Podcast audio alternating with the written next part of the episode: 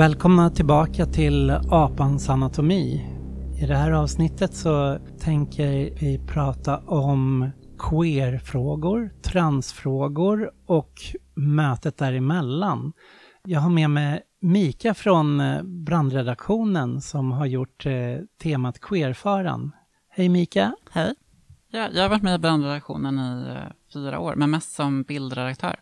Vi har jobbat en massa ihop här och sen nu fick du redaktöra ett eget nummer. Ja, precis. Blev det några reaktioner på numret när det kom? För det här kom i våras. Ja, men det blev väldigt bra mottaget. Det hade en jättestor release och eh, det sålde liksom nästan slut. Men det var inte så mycket så här, debatt i media direkt. Men, eh, vilket vi kanske mer hade, vi hade hoppats lite. Men själva så här, grundidén från mitt håll var just typ, jag uppfattade ganska mycket som att det fanns en konflikt mellan, eh, eller en upplevd konflikt mellan så här, queer-teori och eh, queer-teoretiker i Sverige liksom och eh, transrörelsen eller transteorin på något sätt. Men sen så har jag, när jag själv liksom har försökt sätta mig in i det här ämnet de senaste två åren, så jag typ har upplevt mer och mer att den här konflikten kanske mer är en bild utifrån än en faktiskt reell motsättning. Det där är ju jätteintressant för att det att queer och trans har ju varit så här jättemycket uppe i hetluften nu, speciellt inom så här intern feministisk diskussion. Ja, verkligen. Och det kanske är en mindre strömning med radikalt feministiskt influerade feminister som mm. ser både queer och trans som en slags hot mot den feministiska rörelsen och gärna klumpar ihop queer och, och trans. Uh. Du tog upp att det fanns som en motsättning, som uh. kanske inte var så mycket en motsättning ändå. Alltså. Ja, på vissa sätt. Vad, vad är motsättningen och vad är var möts man, queer och trans? Alltså jag skulle nog hävda att man möts på de flesta punkter, men att eh, motsättningen kanske snarare sker i eh, att det finns en upplevelse från transhåll att just försöket att lösa upp identiteten och det enorma fokuset på det underminerar på något sätt kanske den kamp som en transperson arbetar utifrån. Men samtidigt så är transpersonen liksom, en transperson är liksom situerad på något sätt i en, väldigt mycket i en blandning mellan upplösning och identitet. Så båda frågorna är ju extremt relevanta. Och samtidigt så har ju också queer-teoretiker inte en det är inte så att en queer-teoretiker eller en queer-rörelse helt förkastar idén av identitet, utan det handlar ju snarare om att man ser den som en produkt av någonting. Och mm. den produkten går ju också kanske att använda för att eh, använda på queera sätt, om man så säger. Mm. Sen tror jag också att, eh, jag tror att det är viktigt att inte se den gruppen av radikalfeminister som är emot transpersoner som så stora. Historiskt sett har det funnits eh, så tydliga profiler, men de har aldrig egentligen dominerat rörelser. Men den speciella situationen i Sverige är att vi har en, en generell syn på feminism som är väldigt radikalfeministiskt influerad. Och även om de här generellt har, och radikalfeminismen behöver generellt inte heller i sig vara emot transpersoner, men i och med att så många feminister i Sverige har en radikalfeministisk grundanalys så alltså det finns en bas att försöka vinna över till olika sidor på något sätt. Mm. För att plocka upp det du tog upp där lite så tänker jag, när jag har hållit studiecirklar så har jag ofta pratat om eh, Butler, om eh, feminism. Jag, pratat, jag har haft studiecirklar i så här samtida politisk teori och då har jag liksom tänkt att eh, inte bara inom feminism utan det gäller även antirasism och vänstern i stort. Att det finns, inte så att det ena perspektivet är fel och det andra är rätt, men man kan förhålla sig till subjekt på två olika sätt. Och det ena är att se subjektet som någonting man utgår från, att vi har subjektet arbetare, subjektet kvinnor, man ser att de är utsatta för vissa former av förtryck eller hinder som gör att de inte kan ha fulla rättigheter som andra. Och då har kampen blivit väldigt viktig för att eh, på något sätt kämpa mot exploateringen och få erkännande för de man är, den position man har och eh, också en form av representation, att man ska komma ut, bli synliggjorda, det ska komma finnas några representanter som kan också tala för den här gruppen. Mm. Och där, den här radikalfeministiska traditionen befinner sig där, men där man kan säga att det här är, när vi tittar på många folkrörelser så handlar ju kamp väldigt mycket om det, om olika former av erkännande, liksom att man ska synliggöra de problem, så att vi har utsatts för det här, vi behöver få det synliggjort, vi behöver få en upprättelse och vi behöver få en representation som jämnar ut det här, liksom, mm. eller åtgärdar den. Och det perspektivet är inte fel, det är helt rätt, liksom, det är, men det utgår liksom från att se på subjektet på ett sätt. Sen har vi liksom en annan tradition inom vänstern som tittar på subjekt på ett annat sätt, mer som problematisera hur uppstår de här subjekten? Vad är det som, hur reproduceras subjekten? Så här, hur, hur blir man kvinna? Hur, hur reproduceras eh, kvinnoidentiteten eller kvinnosubjektet? Hur reproduceras är... arbetarklassen? Och på vissa av de fallen så kan ju också själva idén om kvinnosubjektet eller kanske idén om någon som är, har en viss ras, liksom, är ju också en del i själva förtrycket utav dem. Mm. Eller utav en. Och det är ju där som queer-teorin befinner sig och det är ju, den delar ju mycket med, den kommer ju ur poststrukturalism och så, att man tittar på vilka strukturer, hur strukturer förhåller sig till subjekt. Och det, man kan väl prata om det här som så här social konstruktivism på ett sätt. Hur konstrueras subjekten?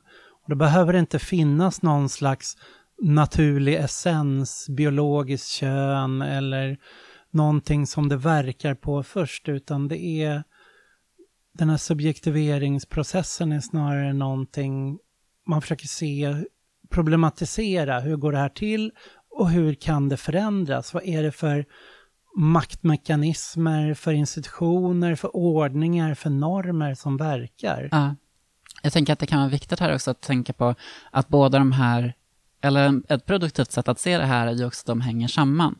Jag tänker mm. på under socialdemokratin när, när HSB bildades och när man liksom har sett det lite som sitt pro politiska projekt också, att arbetare också ska äga sina egna bostäder. Mm. Och man instiftar liksom bostadsrättsföreningen som har regler som gör så att den ändå kan vara spekulativ och på så sätt så skapar man liksom ett subjekt av arbetare som också har kapitalintressen på något sätt i att de äger sin bostad. Och på det sättet, och de kan sedan liksom också subjektiveras mer som medelklass, liksom, eller, och där har du ju en, en tydlig liksom, en koppling mellan representationen och subjektiveringen, liksom, mm. hur de kan hänga ihop. Och det är väl det som är också kanske en del av det man ska ta med sig med den poststrukturalistiska analysen, att det handlar om att fråga sig när man gör en, alltså när man kämpar för representation, vad, hur kan man göra det på ett sätt också som kanske har långsiktiga eller som också kanske inte bekräftar eller som inte upprätthåller det förtrycket som man faktiskt eh, kämpar emot. Det är centralt det där, liksom hur å ena sidan kräva att få rättigheter och kräva att få erkännande, men hur ser man till att inte stärka den position och den den roll som är underordnad eller exploaterad i det där arbetet, utan mm. hur kan man samtidigt eh, ifrågasätta den och upphäva den? Och det är ju en så här konfliktfull process. Man kan ju bara titta på kvinnorörelsens historia, att vem som har varit subjektet i den kvinnliga emancipationen har ju varierat genom tiderna. Att det eh, från början, så om man tar suffragettrörelsen, det var ju en rätt borgerlig kvinnorörelse som krävde yttrandefrihet och rätt att få ärva och rätt och medborgerliga rättigheter, men för borgerskapets kvinnor. Och sen kom arbetarrörelsen med kvinnorörelsen som eh, krävde att få inkluderas arbetarkvinnor och där arbetarkvinnor nästan såg som så biologiskt skilda kvinnor mm. från de borgerliga kvinnorna. De hade andra behov och begär och sexuella drifter. Och sen kom eh, svarta feminister som också såg sig exkluderade på samma sätt. Eller feminister i olika koloniala länder. Antikoloniala och postkoloniala feminister. Och nu ser vi samma med transkvinnor, att man hela tiden krävt en form av inkludering i vad som räknas som det kvinnorörelsen ska representera. Och då har ju också varje sånt krav på inkludering har ju också sett som ett hot av eh, så här, men då riskerar vi att upplösa det här subjekt som vi ska kräva erkännande för tills det uppstår en ny definition då, en politisk definition. Vad, vad är det kvinnosubjekt som kvinnorörelsen kämpar för? Ja, precis. Och ett tydligt exempel på det här är ju till exempel Sojourner Truth som i eh, 1800-talets USA växer upp som slav men blir befriad. När kvinnorörelsen i början under 1800-talet i USA först står väldigt tydligt på antislaverisidan och kämpar, det är huvudsakligen kvinnor som liksom driver en abolitionistisk rörelse. Sen när de börjar mer fokusera på att eh, själv vinna rösträtt så finner hon sig plötsligt eh, utdefinierad ur en rörelse hon själv har tidigare varit en central del i. Den, eh, vad man ska säga, andra vågens feminism som från, ja, man kan säga 50-60-talet och framåt. Då Simone de Beauvoir har ju sammanfattat det eh, blivit lite ledordet där med man föds inte till kvinna, man blir det.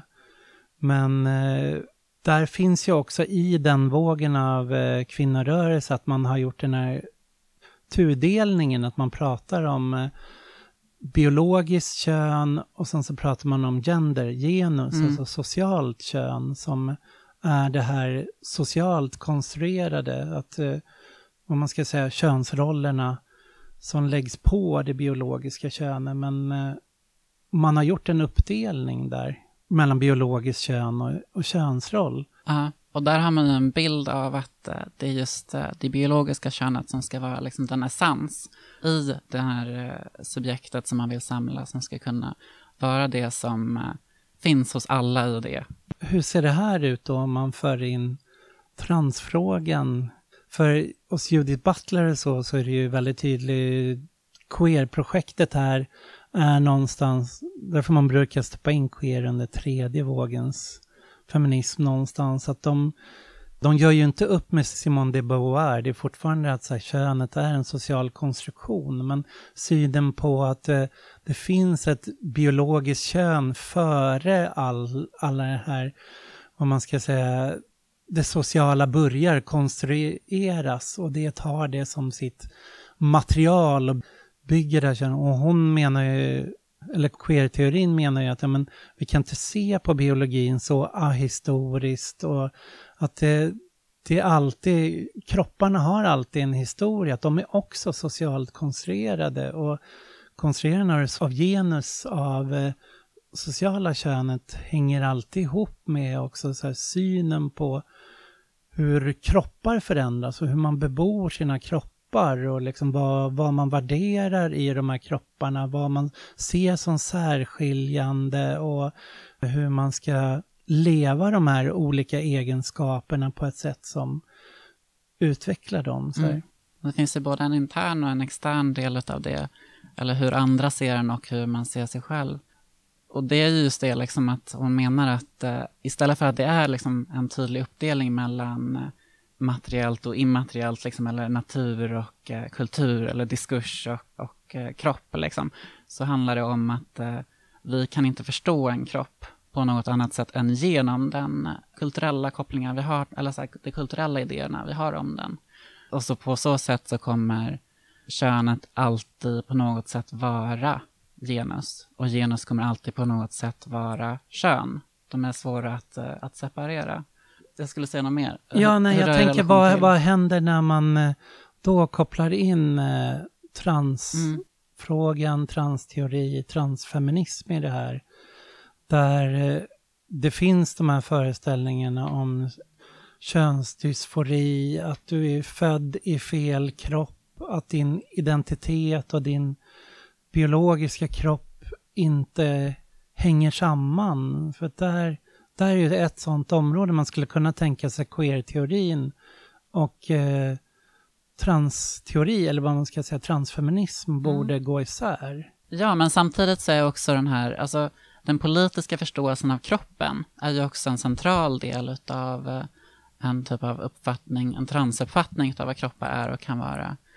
Och där så kanske det kan Butler har ju sig en ganska liksom statisk syn på kön, vilket ofta, eller på kön-genus-sammanblandningen, liksom, eller kopplingen, mm. vilket ofta är förvånande. Många tror ofta att, att Butler har en ganska så voluntaristisk syn, att så här, och man väljer vem man framför sig att vara eller vem man performativt liksom skapar sig som. Mm. Men istället så handlar det ganska mycket mer om en, ja, precis som du säger, en historisk liksom, eh, sedimentering på något sätt. En lång historia av upprepade akter som säger att eh, det här är så man kan skapa sig själv som kvinna och du förväntas att skapa dig själv som man och så vidare, beroende på hur du ser ut. Och eh, det här är ju en extremt fast och eh, integral del av varje person, liksom också mm. hur man förstår en person. För Butler så att tänka sig, eller hon, hon skriver liksom det här under, under 90-talet, så att det finns också en möjlighet för, alltså mycket kan, har ju ändrats sedan dess och kan ändras.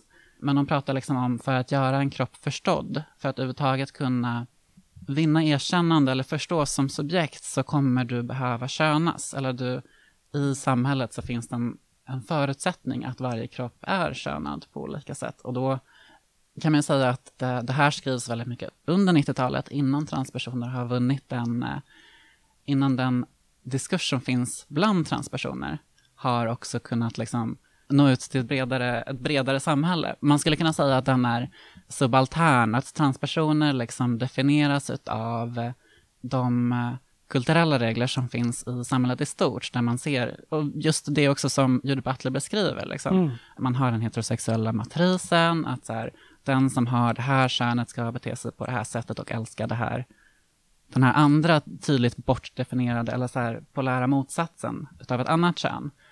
Och det leder ju också till att den som finner sig själv med könsdysfori under 50-talet, den kommer att uh, kunna förstå sig själv bara genom de här koncepten. Och kommer då också skapa sig själv som, och behöver kunna liksom vinna ett erkännande och förstå sig själv som person genom att också kunna hävda någonting, genom att just behöva referera till de här reglerna som Judy Butler beskriver. Liksom man kanske, man börjar performativt Mm. göra kanske en, en, nästan en stereotyp eller en karikatyr. Man behöver, man behöver verkligen, alltså Judith Butler beskriver liksom hur självidentiteten, eller så här, den könade identiteten som ett jag produceras. Och det ger ju också en beskrivning av hur transpersoner behöver liksom konstruera sin identitet. Problemet med Butler blir dock för en transperson, eller för transrörelsen under den här tiden, att eh, Alltså Butler hävdar ju att alla identiteter är konstruerade och eh, performativt skapade. Men det tolkas ju som en person som kanske för att vinna ett erkännande i samhället verkligen behöver gå all in i att min identitet skiljer sig från min kropp. Så att påpeka att min identitet då är socialt konstruerad på något sätt underminerar ganska mycket den trovärdighet du har för att liksom kunna vinna ett erkännande. Just, men man måste då kanske betona igen att, att Butler menar att alla identiteter konstrueras och tvingas konstrueras. Och hon pratar ju också en del om hur, hur detta sker vid en väldigt ung ålder.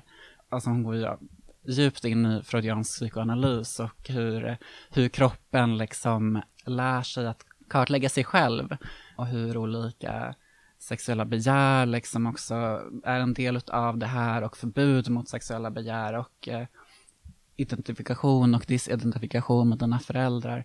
Så att, där finns ju, hos Butler finns det redan en ganska så tidigt grundlagd självuppfattning.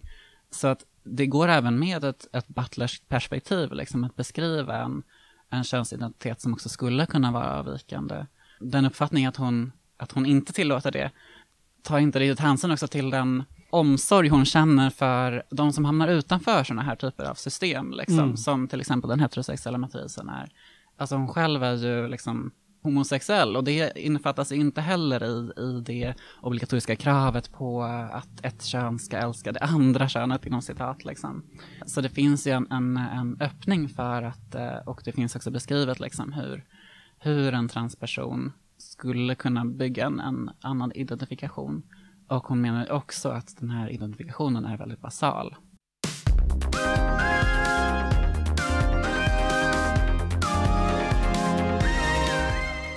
Jag tror en av de punkter som så från radikalfeministiskt håll, det som ofta lyfts, det är ju man slänger ofta in att ja, men det här är liberala perspektiv mm. som Butler och transfolk har, liksom, ah. syn att man kan välja sitt kön, man kan välja sin identitet. Att så här, jag vaknade en morgon och så kände jag, ja men idag är jag nog det här. Alltså. Ah. Och att det är, de ser just det här styrkan hos Butler och liksom se att de här strukturerna som verkar på oss, de är inte hårda strukturer som, som ska ses som en totalitet på ett sätt, utan det är snarare så mjuka strukturer som innebär att de måste dagligen reproduceras. Mm. Att du, det är det hon menar med performativitet, att du måste för att vara heterosexuell så måste du i alla dina handlingar eller i alla dina sexuella handlingar och liksom återskapa den här heterosexualiteten. Den är hela tiden på väg att spricka eller läcka på olika sätt. Och det gör ju att den är föränderlig. Men då ses det här sättet som att de här strukturerna är förändliga, mjuka och liksom kan angripas på alla punkter som att det här bara är ett individualiserat perspektiv. Mm. Som att någonstans har de tagit Simone de Beauvoirs eh, man föds inte till kvinna, man blir det och vänt upp och ner på det och säga så här att ja, men du föds inte till kvinna, du blir det, men du kan inte bli det om du inte har fötts till det. Har du inte fötts i en kvinnokropp och levt hela ditt liv med en kvinnoerfarenhet så kan du inte uttala dig som kvinna. Och då menar de att en transkvinna har inte den livslånga erfarenheten och därför inte ska inkluderas i ett kvinnobegrepp. Ja, och där är det två spår tänker jag. Alltså, det är ju ett i grunden väldigt icke-liberalt perspektiv som Butler har, eller just den här frågan om, om hur subjekt blir till och subjektivering, den har ju en, vad heter det, den individuella autonomin och det humanistiska subjektet liksom. Det är ju ganska kritiserat i, den, i det perspektivet liksom. Det är ju verkligen en, att du är en del av ett samhälle. Och den andra biten du nämnde, att eh, hur radikalfeminister ser det som, eh, som att det är subjektet, vi som har fötts eh, med eh, livmoder och tilldelat könet kvinna vid födseln, som är de vi ska organisera. Det är en väldigt, äh, ja, precis som du själv innan pratade om, att här, den här, vad det är för essens som man samlar ett, ett feministiskt subjekt kring har ju också i historien varierat. Och här har vi också ett transperspektiv, liksom en, ett väldigt tydligt sätt att kritisera den här radikalfeministiska tanken, liksom, att den här uppdelningen mellan eh, kön och eh, könsroll eller genus, som också på något sätt omöjliggör transpersoners eh, existens, den eh, visar sig också liksom vara, ha ett visst antal grundantaganden som inte riktigt håller. Och i relation till den så kan vi se, och det här är liksom en historia som också går tillbaks till 70-talet, det vill säga radikalfeministers relation till, till transpersoner och den här tydliga synen på det materiella könet, alltså naturen liksom, och eh, könsrollen som är kulturen. Det är också ett av grundantaganden i den bok som, som Janice Raymond skriver 79 som heter The Transsexual Empire, The Making of the She-Male, som är hon har precis dessa två grundantaganden, att eh, eftersom att eh, könet är någonting som är i, i grunden biologiskt. Så, och, och sen så har vi den här, de förtryckande rollerna som man tvingas in i. Och sen så under, om man då ser på en transperson ur det här perspektivet, den kommer nödvändigtvis vara en person som eh, dels inte kan eller får hävda ett annat kön, eller kanske ett kön som är bortom den liksom eh, grundantagna två könen. Och dels så kommer man se det som att om den anledningen till att någon skulle vilja identifiera sig med ett annat kön nödvändigtvis måste vara att den har ett problem med sin, sitt genus eller sin könsroll, för att den inte passar in i det. För den, den boken har väl varit, eh, den kom 79 och någonstans de argument som kommer fram där, det är ju samma argument som dyker upp i debatten gång på gång. Ja, precis. Och det är just för att den har den här grundantag, eller att den har den här utgångspunkten från ett naturligt kön och eh, en könsroll. Alltså om man har den synen så blir det svårt att förstå, eller att så här, ja, att förstå transpersoner, eller att förstå varför eh, de finns som fenomen, liksom, eller varför vi finns som fenomen. Och då faller man liksom väldigt, man faller ju lätt tillbaks in i den här synen av att synen på transmän har ofta varit att de eh, är kvinnor som då förråder sitt kön för att de lämnar den feministiska kampen och identifierar sig med det förtryckande könet.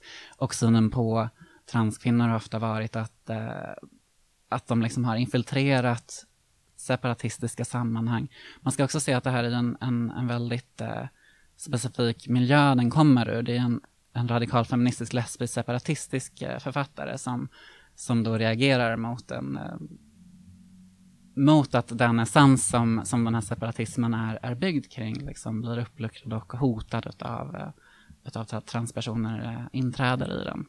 Men i kontrast till det här, under eh, 50-talet, så har vi också de, den forskningen som sker på bland annat intersexpersoner och transpersoner och, och kön generellt inom både psykologin och biologin. Och där, den är ofta liksom problematisk i och med att den i dess naturaliserande anspråk, liksom att han säger att nu beskriver vi verkligheten, men vi beskriver ju verkligheten utifrån glasögonen som vi har, alltså den kultur som vi befinner oss i. Så att, men där så börjar man snarare, liksom för att kunna beskriva de här fenomenen, så börjar man vända sig till olika typer av idéer om könsidentitet, som då ska vara någonting som är bortom genus eller, eh, eller könsroller och eh, det naturliga biologiska könet, liksom, eller XY-kromosomen.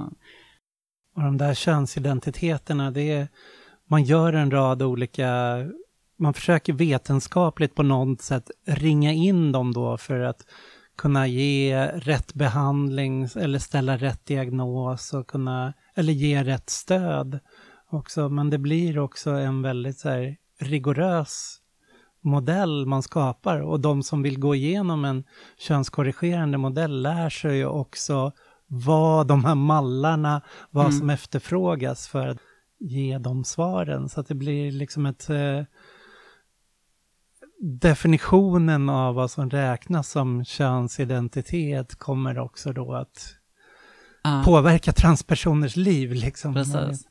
Och där finns det ju ofta en sammanblandning mellan genus och Eh, könsidentitet. När man kanske snarare ska se könsidentitet som, som någon typ av eh, kroppslig förståelse, ett kroppsligt ego pratar man om i psykologin. Liksom, att där den som har som eh, känner könsdysfori, det kan ju också vara personer som liksom har, inom då citat, på ett lyckat sätt uppfostrats till det könet som de är födda med och den här eh, dysforin kanske också utvecklas först senare. Och då har du ju ett problem där, att du har en, en person som kanske gladeligen har identifierat sig som, som kvinna eller som flicka, som sen trots den här då lyckade identiteten eller genuset som flicka eller kvinna ändå i slutet av tonåren eller under sina unga vuxna år liksom utvecklar den här könsdysforin. Och det går ju inte riktigt att förklara med en bild av könsidentiteten som någonting som bara är genus. Men man ska inte heller liksom lägga för mycket vikt vid vad den här då könsidentiteten har, skulle ha för essentiella implikationer, utan man kan fortfarande bara se den som en, eh, en psykologisk eller kroppslig eh, aspekt av en persons identitet som kanske som har formats någon gång under unga år, som kan politiseras på olika sätt. Och den som upplever könsdysfori kommer ju också själv att eh, ladda den här och politisera den här känslan. Och då antingen kanske välja att upprätta ett genus som är liksom eh, helt i linje med, med en känsla av att tillhöra då ett annat kön, men kanske också i många fall inte. Och det är lite det här som transteoretikern Sandy Stone pratar om. Så hon är en ursprungligen en, en ingenjör som jobbar på ett skivbolag som Janice Raymond också skriver om i uh, The Transsexual Empire. Så det finns liksom en, en, del som är tillägnad hur hon infiltrerar det här då lesbiska eh, kvinnoseparatistiska skivbolaget. Mm. Trots att de ju såklart eh, själva har valt att inkludera henne och har vetat att hon har varit en transperson. Så det Stone gör är att hon läser de eh, självbiografiska berättelser som som transpersoner under, under 1900-talet har skrivit. Och konstaterar hur de här på något sätt är uttryckt för en subaltern subjektivitet, alltså ett subjekt som inte riktigt har en agens. Att man är underordnad diskurser där man inte riktigt kan eller tillåts uttrycka sig själva. Och då är det till exempel den binära könssynen och eh, den heterosexuella matrisen, men också hur när man vinner eh, erkännande för transpersoner som en medicinsk företeelse, som också är patologiserad, så börjar man också uppföra sig på sätt som man vet är erkända av det medicinska etablissemanget. Så man läser samma böcker som läkarna har skrivit och som de använder för att ställa liksom, eh, diagnosen. Och man börjar liksom på så sätt härma den patologiserade bilden av en själv Samtidigt så finns det också en, ett krav på att man ska liksom dölja sin historia, man ska aldrig säga att man är trans när man väl börjar passera, när man väl börjar liksom kunna uppträda som eh, det då polärt motsatta könet, så ska man helt dölja sin historia. Och det här gör ju att transpersonen inte har, eller tillåts ha en röst. Och att de sätt hon eller han eller hen kan förstå sig själva också är väldigt definierad av eh, ett samhälle som inte har deras intressen i, eh, i fokus. Och här kommer vi då återigen också till kopplingen med queer. Det Stone ropar efter är att man då ska ta den här platsen som transperson. Man ska kunna lyfta fram den interna diskursen som finns bland transpersoner. För att den här, hur man börjar härma och uh, uppträda så som eh, medicinen vill att man ska göra invaliderar ju dens bild av en själv. Och det komplicerar ju bilden av vad en transperson är.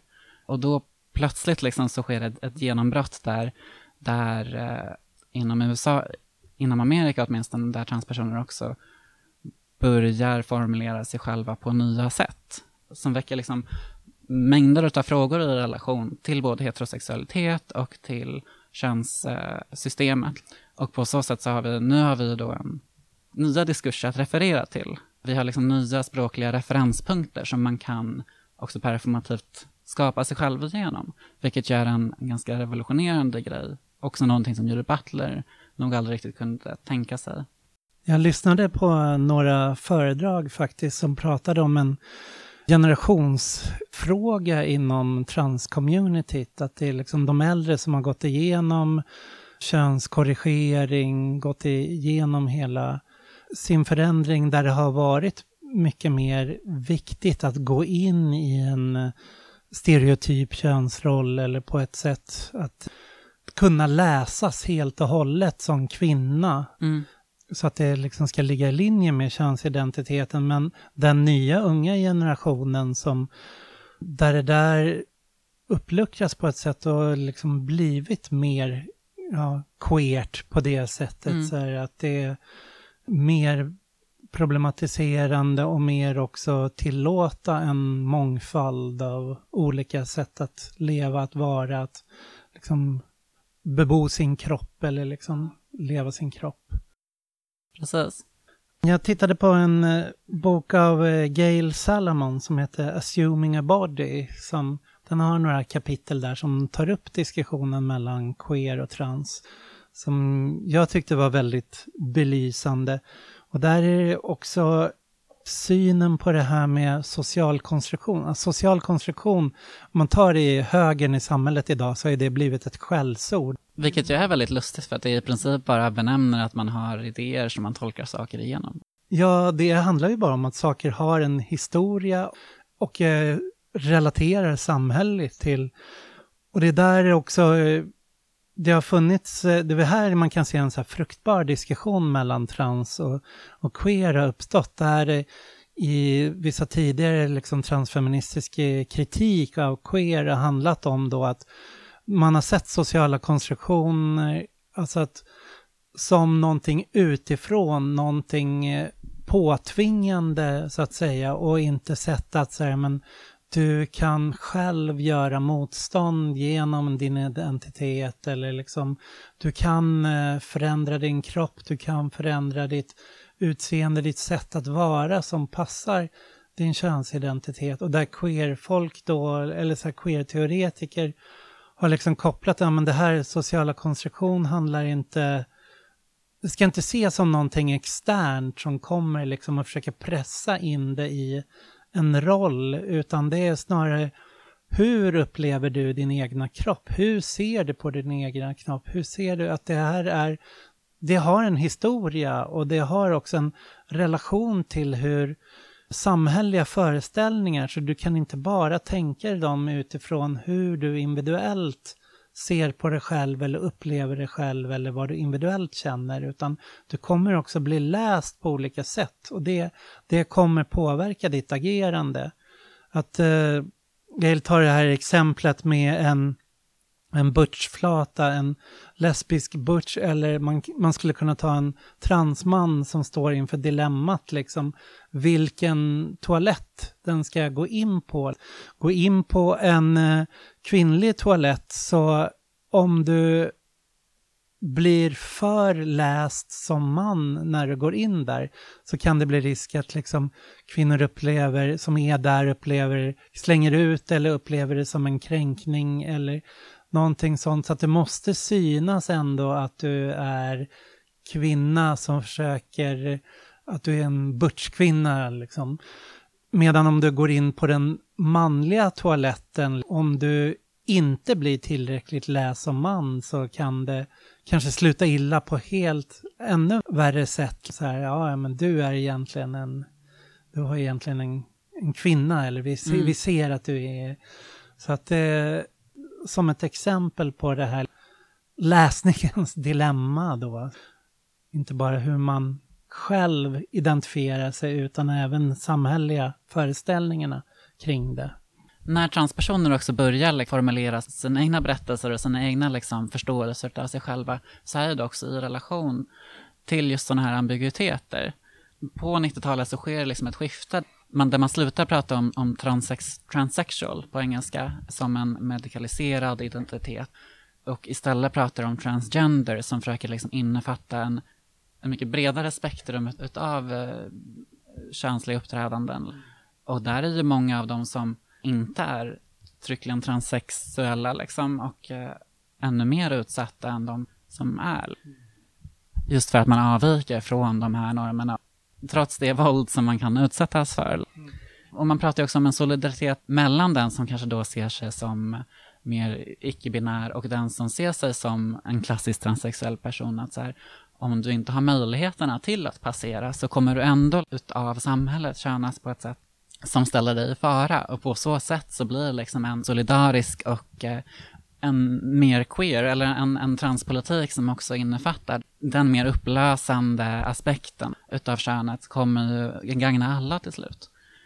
Det gäller ju också liksom, om man påbörjar en transitionsprocess, även om man vill tydligt till det motsatta könet, så kommer du, du kommer att befinna dig i platser av ambiguitet.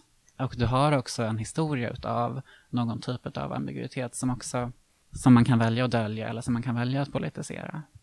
Jag bara tänker på kontrasten mot eh, i Genustrubbel av eh, Judith Butler. Där ser ju hon, hon leker med motståndsmöjligheter mm. kring det performativa och där lyfter hon ju drag kings och drag queens ja. som ett sätt att det om du gick och såg en föreställning av After Dark så var det ju extremt könsstereotypt i att spela på en eh, kvinnoroll men publiken visste samtidigt att det var män och just den där uppdelningen att det var män som spelade kvinnor men att visa att den där kvinnan var bara en roll som mm.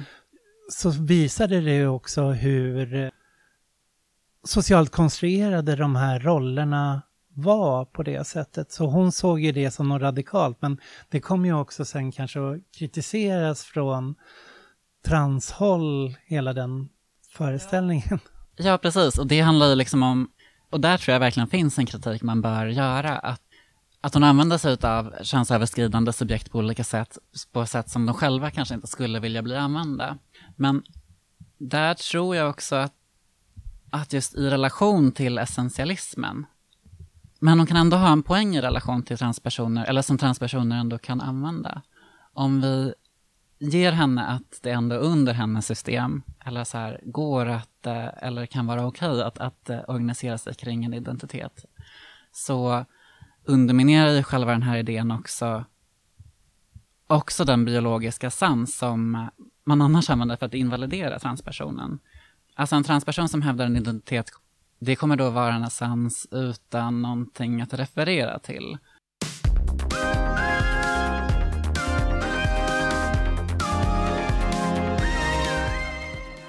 ETC hade en intervju för ett tag sedan med Nina Björk där hon pratade om transfrågor. Där hon... Ja, precis. Där hon hävdar liksom att eh, det är en biologisk verklighet att alla män har vissa typer av organ och en XY, XY-kromosomer Mm. och likaså att kvinnor har vissa typer av organ och XX-kromosomer. Och att det liksom ska vara, nödvändigtvis måste vara den kärnan i eh, det feministiska projektet. Och att det på det byggs könsroller, precis som vi pratade om förut. Problemet är ju att det här är exakt samma modell som också Dennis Raymond använder, som leder henne till att kunna dra väldigt transfobiska slutsatser. Liksom. Och där hon själv inte kan ens eh, beskriva den eh, reella verklighet som transpersoner uppfattar sig leva i. Liksom. Det blir på så sätt att hon måste liksom göra antaganden om transpersoner som är att de har andra motiv eller att de är, eh, en är väldigt sjuk på något sätt liksom, för att det ska kunna gå att inlämna. Och det är ju ett problem med också med, med eh, Björksyn eller med den här typen av biologiskt essentialistisk eh, radikalfeminism. Att den inte kan beskriva transpersoner. Och då måste den också, för att den bara har konceptet med, ett, med könsrollerna eller med genuset Mm. och inte kan liksom förstå könsidentiteten på något annat sätt. Och det går att göra på många olika sätt.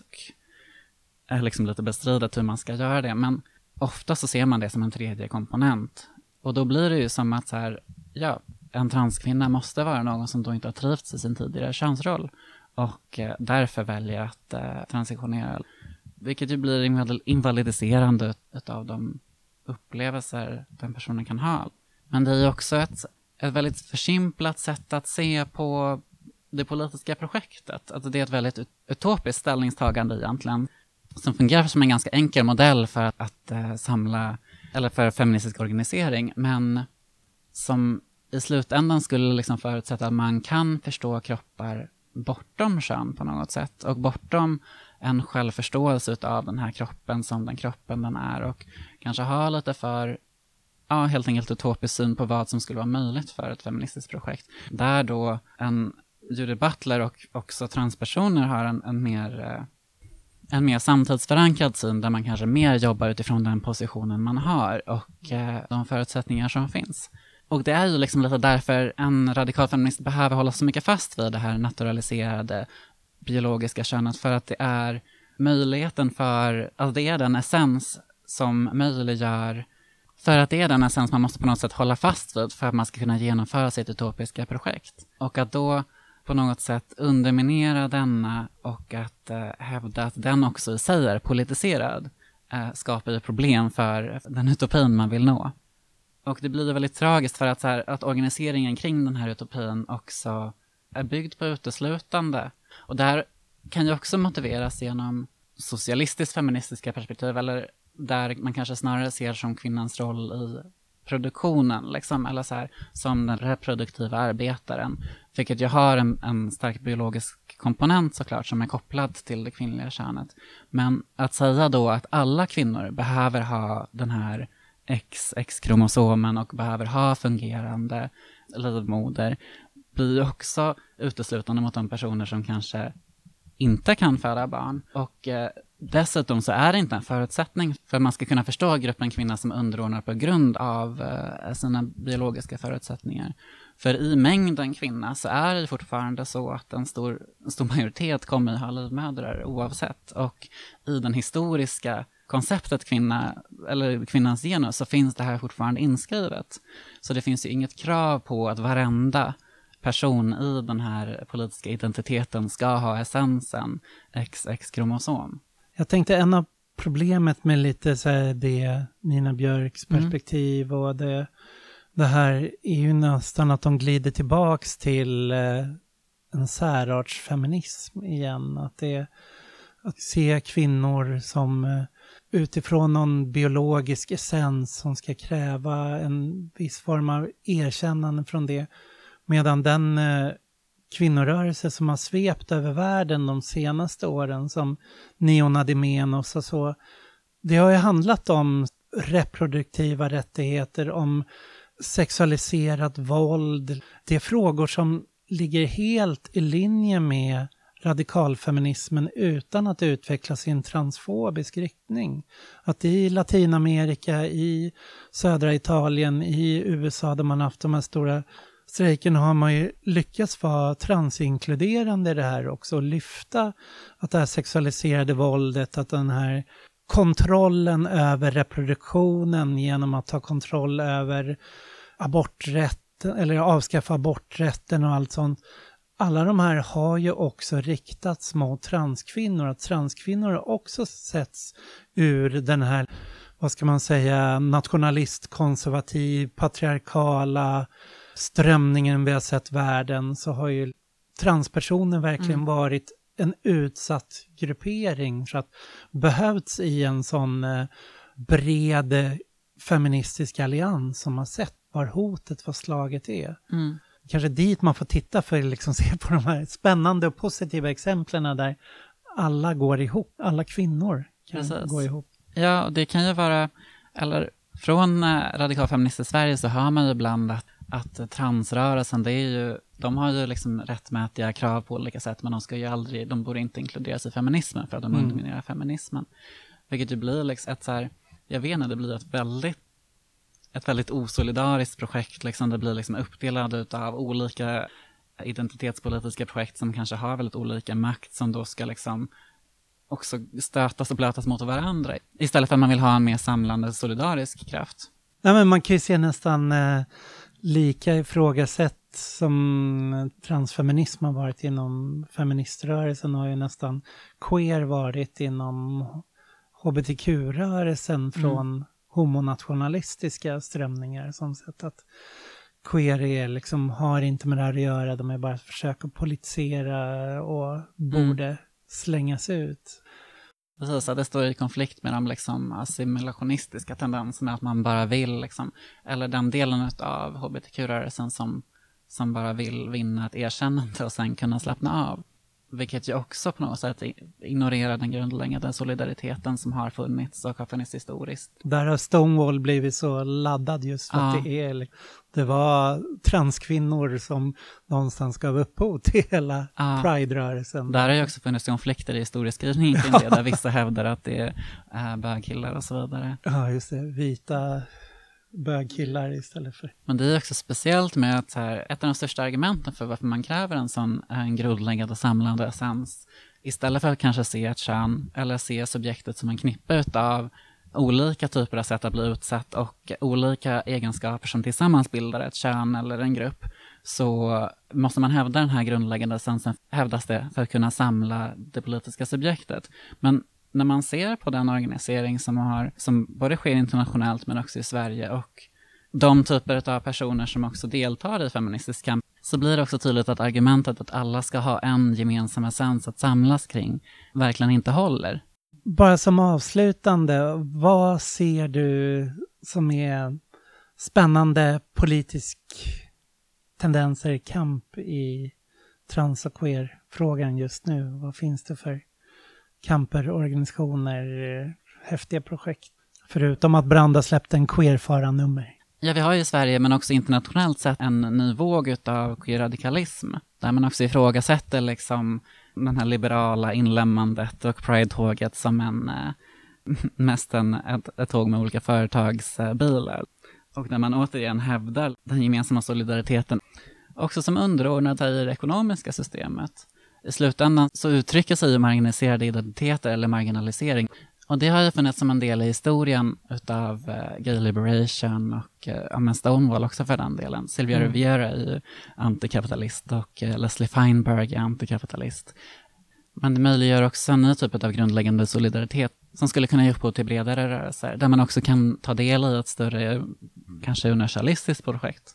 Och då inte universalism som i eh, den vita mannens förhärskande syn på allt, liksom, eller underordningen kring honom, utan mer en, en, universalism där man försöker inordna alla partikulära perspektiv och förstå, och förstå de sammanhängande tendenserna i dem.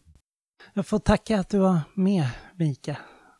Jag kommer lägga upp länkar så att ni kan se texterna vi pratar om och det finns alltid brandnumret att läsa också.